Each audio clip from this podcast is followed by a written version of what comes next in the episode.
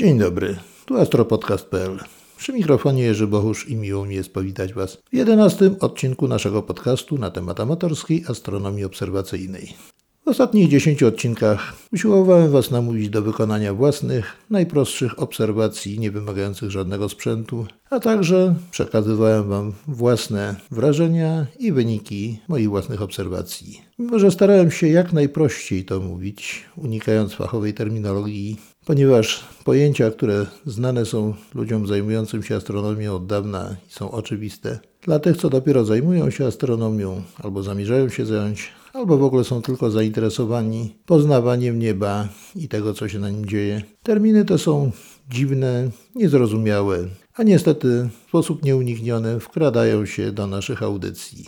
Dlatego też chciałbym, abyście je poznali i zrozumieli, bo bez tego trudno Wam będzie zrozumieć to, o czym mówi, będziemy mówili w przyszłych audycjach. Postaram się mówić Wam jak najprościej, jak najzwięźlej. Nie będę wyliczać i tłumaczyć poszczególnych terminów, bo to nie miałoby sensu i zanudziłoby Was. Zrobimy na ten temat cykl audycji, takich, że opowiemy sobie wszystko po kolei od początku. A teraz zróbcie sobie kawkę albo herbatkę, usiądźcie wygodnie, a ja Was przeprowadzę za rękę w miarę bezboleśnie przez te wszystkie zagadnienia, które będziemy poruszali w naszych kolejnych audycjach. I zaczniemy od rzeczy podstawowej, czyli od orientacji na niebie.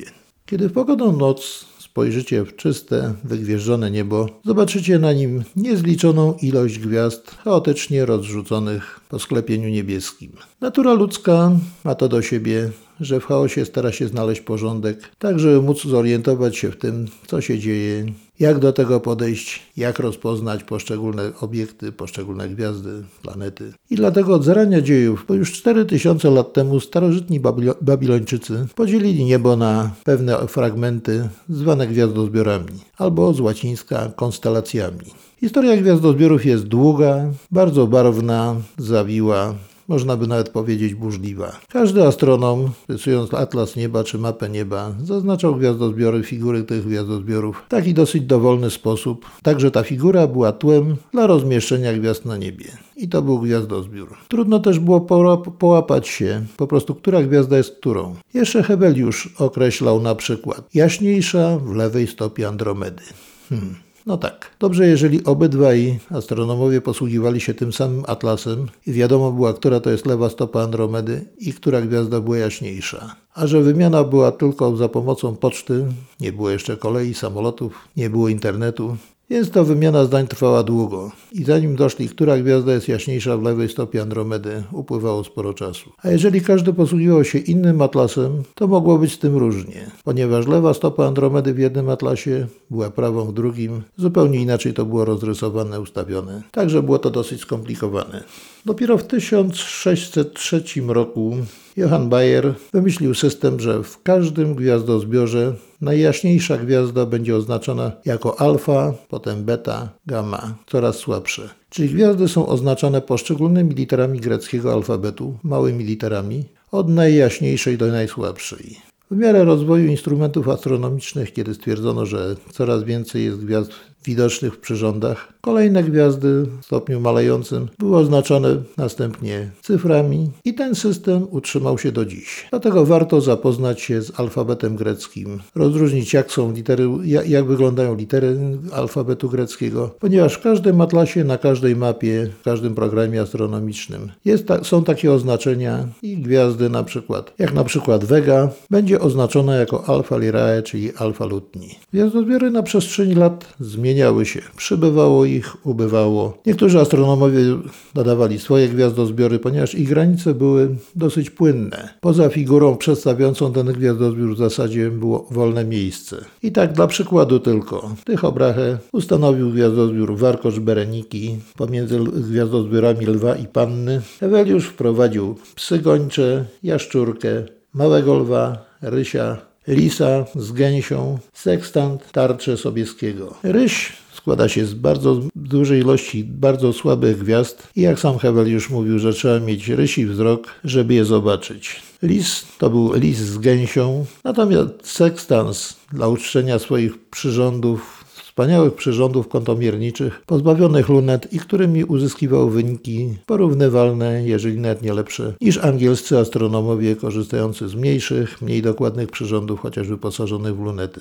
No i tarcza Sobieskiego dla uczczenia zwycięstwa pod Wiedniem nad Turkami, co jest, wydaje się, oczywiste. Zwłaszcza jeżeli weźmiemy pod uwagę, że Sobieski był hojnym sponsorem i dużo pomagał, zwłaszcza Heweliuszowi po pożarze jego obserwatorium w Gdańsku. Pomagał mu je odbudować, finansował odbudowę i sponsorował, jakbyśmy dzisiaj powiedzieli, Heweliusza w jego działalności astronomicznej, zwłaszcza pod koniec jego życia. Także jak widzicie, kwestii gwiazdozbiorów przez wieki, można powiedzieć, panował swoisty chaos i dowolność. Dopiero w 1930 roku Międzynarodowa Unia Astronomiczna ustanowiła, że jest 88 gwiazdozbiorów Wyznaczyła ich granice, już nie figuralne, ale wzdłuż kół wielkich i małych na sferze niebieskiej. Oznaczenia bajerowskie greckimi, małymi literami greckiego alfabetu pozostały, jak się alfabet kończy, dalej oznaczenia są cyfrowe. Z nieba zniknęły takie gwiazdozury jak Antinous, Lis stracił swoją gęś, tarcza Sobieskiego została tarczą. Wszystkie nazwy zostały uproszczone, tak, żeby było łatwo zapisywać, łatwo zapamiętać, łatwo posługiwać się nimi całej społeczności międzynarodowej. Oczywiście my mówimy po polsku alfa lisa, ale oznaczenia gwiazdozbiorów w zasadzie są łacińskie. Lis, czyli vulpecula, czyli alfa lisa będzie alfa vulpeculae. Oprócz oficjalnych gwiazdozbiorów zatwierdzonych przez Międzynarodową Unię Astronomiczną istnieją jeszcze tak zwane asteryzmy. Asteryzmy jest to grupa gwiazd przypominająca jakiś kształt, kształtem coś, jakiś przedmiot, jakieś zwierzę, jakieś coś. Jak na przykład słynny asteryzm wieszak albo kapelusz Napoleona. Jest jeszcze parę innych. Sławetny Wielki Wóz, utożsamiany z gwiazdozbiorem Wielkiej Niedźwiedzicy przez laików, jest tylko asteryzmem, ponieważ jest to niewielki fragment gwiazdozbioru przedstawiającego niedźwiedzicę. A ten asteryzm dokładnie przedstawia tylną część ciała niedźwiedzicy, z której wyrasta ogon. To samo dotyczy małej niedźwiedzicy. Na własny użytek, jak będziemy poruszali się po niebie, zwłaszcza szukając jakichś obiektów, będziemy tworzyli własne asteryzmy. Malutkie, trójkącik gwiazd, jakiś trapezik, jakaś Kasiopea malutka, co cokolwiek, co nam ułatwi. I pamiętajmy jeszcze jedno. Najczęściej zarówno gwiazdozbiory, jak i asteryzmy nie są zbiorami gwiazd fizycznie powiązanych ze sobą, a po prostu przypadkowymi zbiorowiskami gwiazd, które rzutują się na sferę niebieską, którą widzimy jako w zasadzie płaską powierzchnię, taką wklęsłą, nie tyle płaską właśnie, ale wklęsłą, otaczającą nas półkulę, wewnątrz której jesteśmy i wydają się w jednakowej odległości. W następnej audycji dojdziemy do tego, że wcale tak nie jest, te odległości są różne. Ale na razie przyjąć możemy to, co widzimy widzimy, że leżą w jednakowej odległości gdzieś tam bardzo, bardzo daleko od nas i wydają się być powiązane, ale pamiętajcie, fizycznie najczęściej one nie są powiązane. Ani gwiazdozbiory, ani asteryzmy. No chyba, że są pewne wyjątki jakieś, ale do tego jeszcze dojdziemy w przyszłości. Możecie zadać sobie pytanie, no i co z tego? Czy warto znać gwiazdozbiory? Co nam to da? Na pewno warto. Od razu Wam to mówię, że warto. Ponieważ znajomość gwiazdozbiorów ułatwia orientację na niebie. Widząc dane gwiazdy przynależące do pewnych grup, od razu wiemy, która jest która, możemy wskazać ją, możemy powiedzieć, o której gwieździe mówimy i wszystko będzie wiadomo. Niebo z chaotycznego staje się zrozumiałe i przyjazne dla nas. Dlatego warto nauczyć się gwiazdozbiorów, a przy okazji warto nauczyć się też liter alfabetu greckiego, ponieważ wszędzie się z nimi spotkamy, zarówno w opisach, w atlasach, na mapach nieba, czy w programach astronomicznych, czy apkach. Jak się zabrać do nauki gwiazdozbiorów? Rzecz jest bardzo prosta. Nie potrzebujemy żadnego instrumentarium. Wystarczy nam mapa nieba ze schematycznie zaznaczonymi figurami gwiazdozbiorów albo jakiś podręcznik, gdzie te mapki zawierają się. Można sobie wydrukować. W necie jest całe mnóstwo różnych mapek nieba takich, że można po prostu popatrzeć już gotowymi, z gotowymi zarysami. Są tak samo apki na smartfony. Wystarczy sobie taką apkę odpalić, odszukać dany gwiazdozbiór, odszukać go na niebie, zidentyfikować te gwiazdy i już będziemy powoli wszystko wiedzieli. Jeżeli używamy papierowych map nieba, czy książek, czy jakichś atlasów, warto zaopatrzyć się także w miarę słabo świecącą latarkę. Tym razem nie musi być ona czerwona, tylko żeby nie oślepiała. Żebyśmy mogli spokojnie zajrzeć sobie, obejrzeć na karcie, na papierze to, co jest narysowane i porównać sobie to z tym, co widzimy na niebie. Oczywiście, jeżeli używamy tabletów, smartfonów i jakichś aplikacji z gwiazdami, z gwiazdozbiorami, latarka taka będzie nam absolutnie niepotrzebna. Oczywiście żadnych lornetek, żadnych teleskopów nie będziemy tu potrzebowali, bo potrzebujemy pole widzenia takie najszersze, jakie tylko dają nam nasze oczy. No i jeszcze paradoksalnie, żeby było weselej, niebo nie musi być idealnie przejrzyste, klarowne, a raczej nawet na początek lepiej jest, jak jest troszeczkę takie zamulone. Wtedy widać tylko najjaśniejsze gwiazdy i potrafimy je łatwiej zidentyfikować na naszych mapkach i łatwiej jest po prostu poznać. Nie gubimy się w chaosie drobnych gwiazdek, które trochę rozmazują, powiedzmy sobie szczerze, obraz. I od razu powiedzmy sobie jeszcze jedną rzecz. Nazwy gwiazdozbiorów określają jakieś postacie mitologiczne, zwierzęta, różne przedmioty codziennego użytku, szczególnie na półkuli południowej. I czasami możemy się zdziwić, jak wielką wyobraźnię mieli starożytni, a potem ich następcy, że z takiego chaosu układu gwiazd wyznaczyli nazwę takiego zwierzaka. No powiedzmy sobie lew, rzeczywiście przypomina lwa, albo żelazko. Z bykiem już jest troszeczkę gorzej. Orion, no, można powiedzieć, że facet z uniesioną maczugą i tarczą rzeczywiście przypomina. Cassiopeia, no nie przypomina kobiety, raczej literę W albo M. Wielka Niedźwiedzica, jeżeli obejmiemy w całości ten gwiazdozbiór, a nie tylko asteryzm wielkiego wozu, rzeczywiście przypomina niedźwiedzicę, chociaż skąd się tu tych niedźwiedzic i wielkie i małe wzięły takie wielkie ogony, to pojęcia nie mam po dziś dzień. I tak obserwując poszczególne gwiazdozbiory, będziecie coraz lepiej poznawać niebo. Stanie się dla Was coraz bardziej zrozumiałe, jaśniejsze, coraz przyjaźniejsze. Będziecie się łatwo na nim orientować. Uprzedzam jednak od razu, że nie należy za jednym zamachem poznawać więcej jeden, dwa, góra trzy gwiazdozbiory, ponieważ pogubicie się. I nie zaczynać od, od razu wszystkie szczegóły poznawać, ale najpierw główne gwiazdy tworzące zarys tego gwiazdozbioru, a potem w miarę nabierania doświadczenia, w miarę poznawania danego gwiazdozbioru można włączać do niego coraz, że tak powiem, coraz drobniejsze gwiazdy, coraz słabsze, aż do tych ledwo widocznych gołym okiem. Wtedy będziecie również mogli zobaczyć, którędy przebiegają granice gwiazdozbiorów, chociaż nie są one widzialne rzecz jasna na niebie. I będzie Wam coraz łatwiej. Jeżeli rzucicie się jednego dnia na 5, 6, 10 gwiazdozbiorów, owszem, zobaczycie je, ale od razu Wam mówię, nie zapamiętacie. Dlatego po kolei pojedynczo Góra 2-3, jeżeli są mniejsze. Delfina można za jeden dzień poznać. Rzeczywiście przypomina delfina. Lud nie tak samo. Kasiopei trzeba się troszeczkę przyjrzeć już, bo tylko ten wielki asteryzm w postaci litery W lub M jest widoczny. Smok wije się wokół bieguna, tak żeby go poznać. Głowę ma charakterystyczną, taką trapezowatą. A dalej jest cały rządek gwiazd. Dobrze jest poznać to, co jest pomiędzy nimi, żeby wyznaczyć te gwiazdki, jak, się, jak przebiegają. Im dalej na południe, coraz więcej. Pegas będzie wielkim kwadratem, tuż obok Andromeda. Z kolei charakterystyczny gwiazdozbiór, taki domek, to jest Cefeusz, blisko bieguna. No i powiedzmy łabędź, bardzo charakterystyczny, rzeczywiście przypominający łabędzia w locie, tak samo orzeł. Zapewne się zdziwicie, że widząc na niebie tak niezliczoną ilość gwiazd, gdybyście je bardzo starannie policzyli, to liczylibyście się zaledwie ich około 3000. Bo tyle na jednej półsferze północnej i podobnie na południowej jest gwiazd widocznych gołym okiem, od pierwszej do szóstej wielkości. O wielkościach powiemy sobie jeszcze później, ale to już w innej audycji. Dlatego naprawdę usilnie zachęcam Was do zapoznania się z gwiazdozbiorami. Wysiłek nie jest zbyt wielki, a przyniesie Wam dużo radości, na pewno, i wzbogaci Waszą wiedzę zarówno teoretyczną, jak i praktyczną. Zresztą sami widzicie, nawet przy poznawaniu takich rzeczy jak gwiazdozbiory, gdzie można, wydaje się, można wziąć mapę i patrząc na nie rozróżniać, nie, nie tędy droga. Na pewno nic nie zapamiętacie, no może jakieś drobiazgi. Podstawą zawsze w astronomii są i będą obserwacje. Także jednocześnie wykonacie bardzo proste, a bardzo pożyteczne dla siebie obserwacje astronomiczne.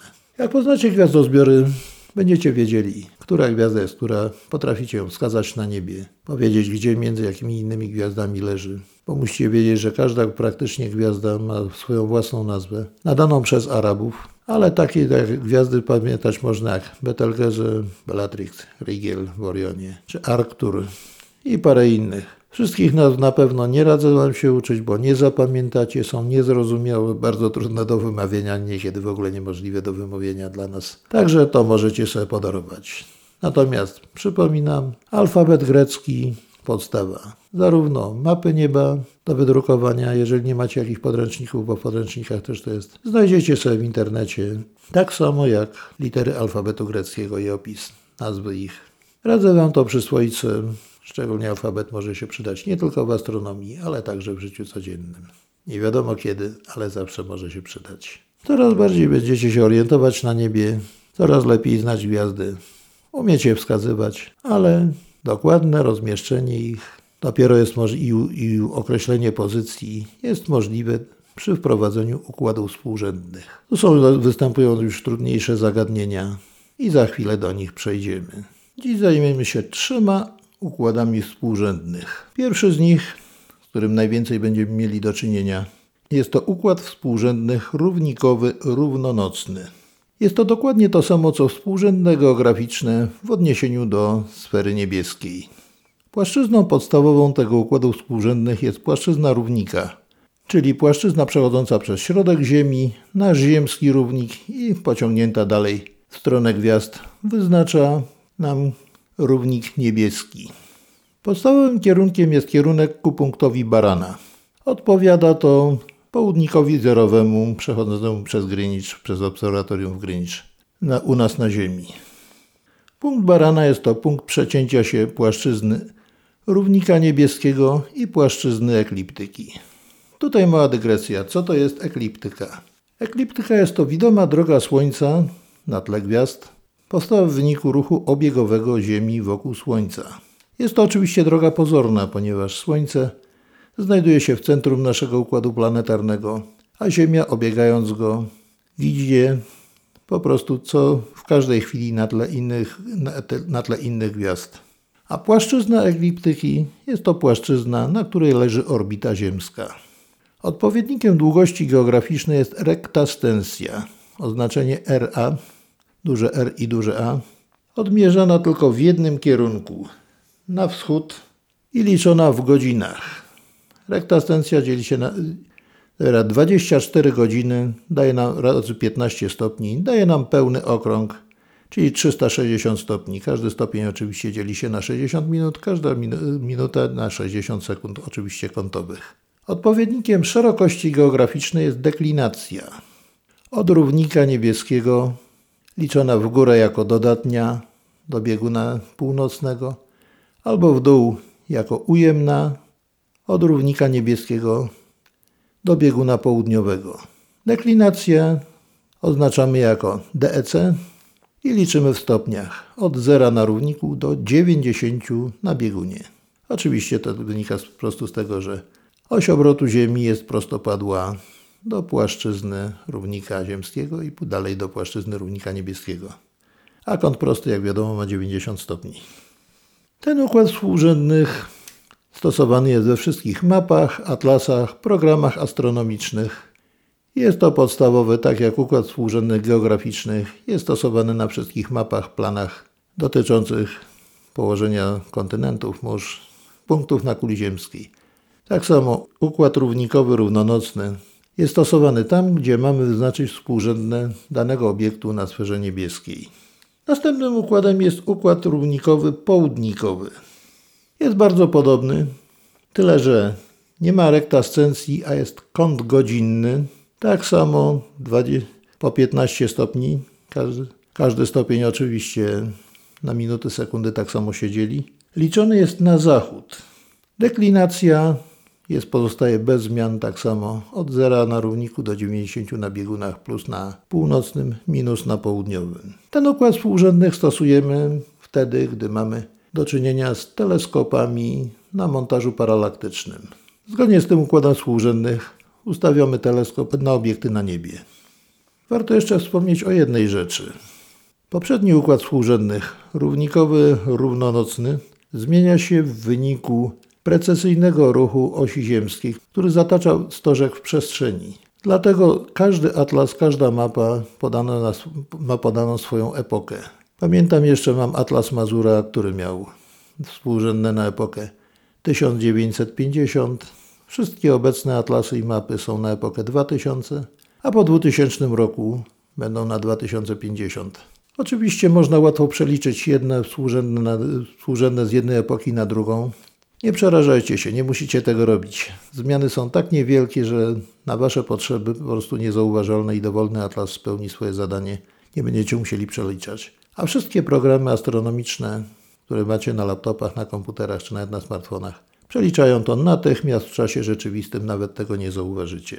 Natomiast układ współrzędnych e, południkowy, jako że kierunek ma na południe, już nie jest obarczony tym błędem. No i trzeci, że tak powiem, najbardziej naturalny układ współrzędny, czyli układ współrzędny horyzontalny. Tutaj płaszczyzną podstawową jest płaszczyzna horyzontu. Nie jest brana pod uwagę oś obrotu Ziemi, ale kierunek prostopadły do płaszczyzny horyzontu. Czyli nad głową mamy zenit, a pod stopami w przeciwnym kierunku mamy nadir. Kierunkiem podstawowym jest kierunek południowy i liczymy go na zachód. Liczymy w stopniach od 0 do 360 stopni, a w pionie nazywa się to nie deklinacja, tylko wysokość i liczymy od 0 na horyzoncie do 90 stopni plus w zenicie, albo możemy to też policzyć do minus 90 stopni w nadirze. Ze względów praktycznych wysokość zastępowana czasami jest odległością zenitalną, czyli odległością od zenitu do wysokości danego obiektu. Jest to stosowane przez astronomów. Praktycznie łatwiej się niektóre rzeczy liczy. Ale czy wysokość, czy odległość zenitalna, szybko dojdziecie, że to praktycznie oznacza to samo. Tylko, że z innego kierunku liczone. Jeszcze pewna dygresja na temat horyzontu. Płaszczyzna horyzontu jest płaszczyzną umowną. Gdyby rzeczywiście Ziemia była płaska, jak twierdzą płaskoziemcy, to byłaby rzeczywiście płaszczyzna Ziemi i płaszczyzna horyzontu pokrywałyby się. Niestety Ziemia jest kulista i tylko w małym fragmencie w pobliżu możemy przyjąć, że jest praktycznie pokrywa się powierzchnia Ziemi płaszczyzną horyzontu. Poza tym jeszcze horyzont to jest jedna teoretyczna w zasadzie naokoło otaczająca nas końcówka tej widocznej płaszczyzny. To, co w rzeczywistości oglądamy, to jest widnokrąg. Horyzont praktycznie możemy jedynie obejrzeć na pełnym, spokojnym morzu z dala od wybrzeża, w miejscu, gdzie niebo styka się z oceanem, jak to obrazowo się mówi. Natomiast to, co widzimy na Ziemi, wszystkie te przeszkody typu góry, lasy, budynki i inne przeszkody, które podnoszą nam ten widnokrąg do góry, Także nie widzimy praktycznie, jak słońce zachodzi za horyzontem, tylko za czymś. Oczywiście odpowiednio wcześniej. Także nie mylmy dwóch pojęć. Horyzont umownie mówimy, że wszystko szeroko widać po horyzont, ale tak naprawdę to widzimy po widnokrąg.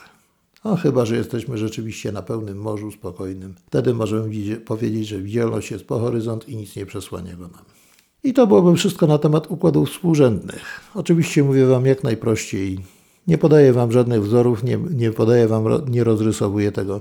Mam nadzieję, że zainteresujecie się tym bardziej i sami po prostu w internecie, w podręcznikach, w książkach jakichś popularnych, ale szczególnie w podręcznikach w internecie znajdziecie, przejrzycie się dokładnie i dokładniej się zapoznacie z, zagadnieniami układów współrzędnych. Oczywiście oprócz tych trzech, co wymieniłem, są jeszcze układ współrzędny ekliptyczny, układ współrzędny galaktyczny, ale jako obserwatorzy praktycznie nie spotkacie się z nimi. Ja mimo, że już tyle lat obserwuję niebo, tyle lat się zajmuję tym astronomią, ale jeszcze nie spotkałem się z układem współrzędnych ani ekliptycznych, ani galaktycznych i nie miałem potrzeby go stosować.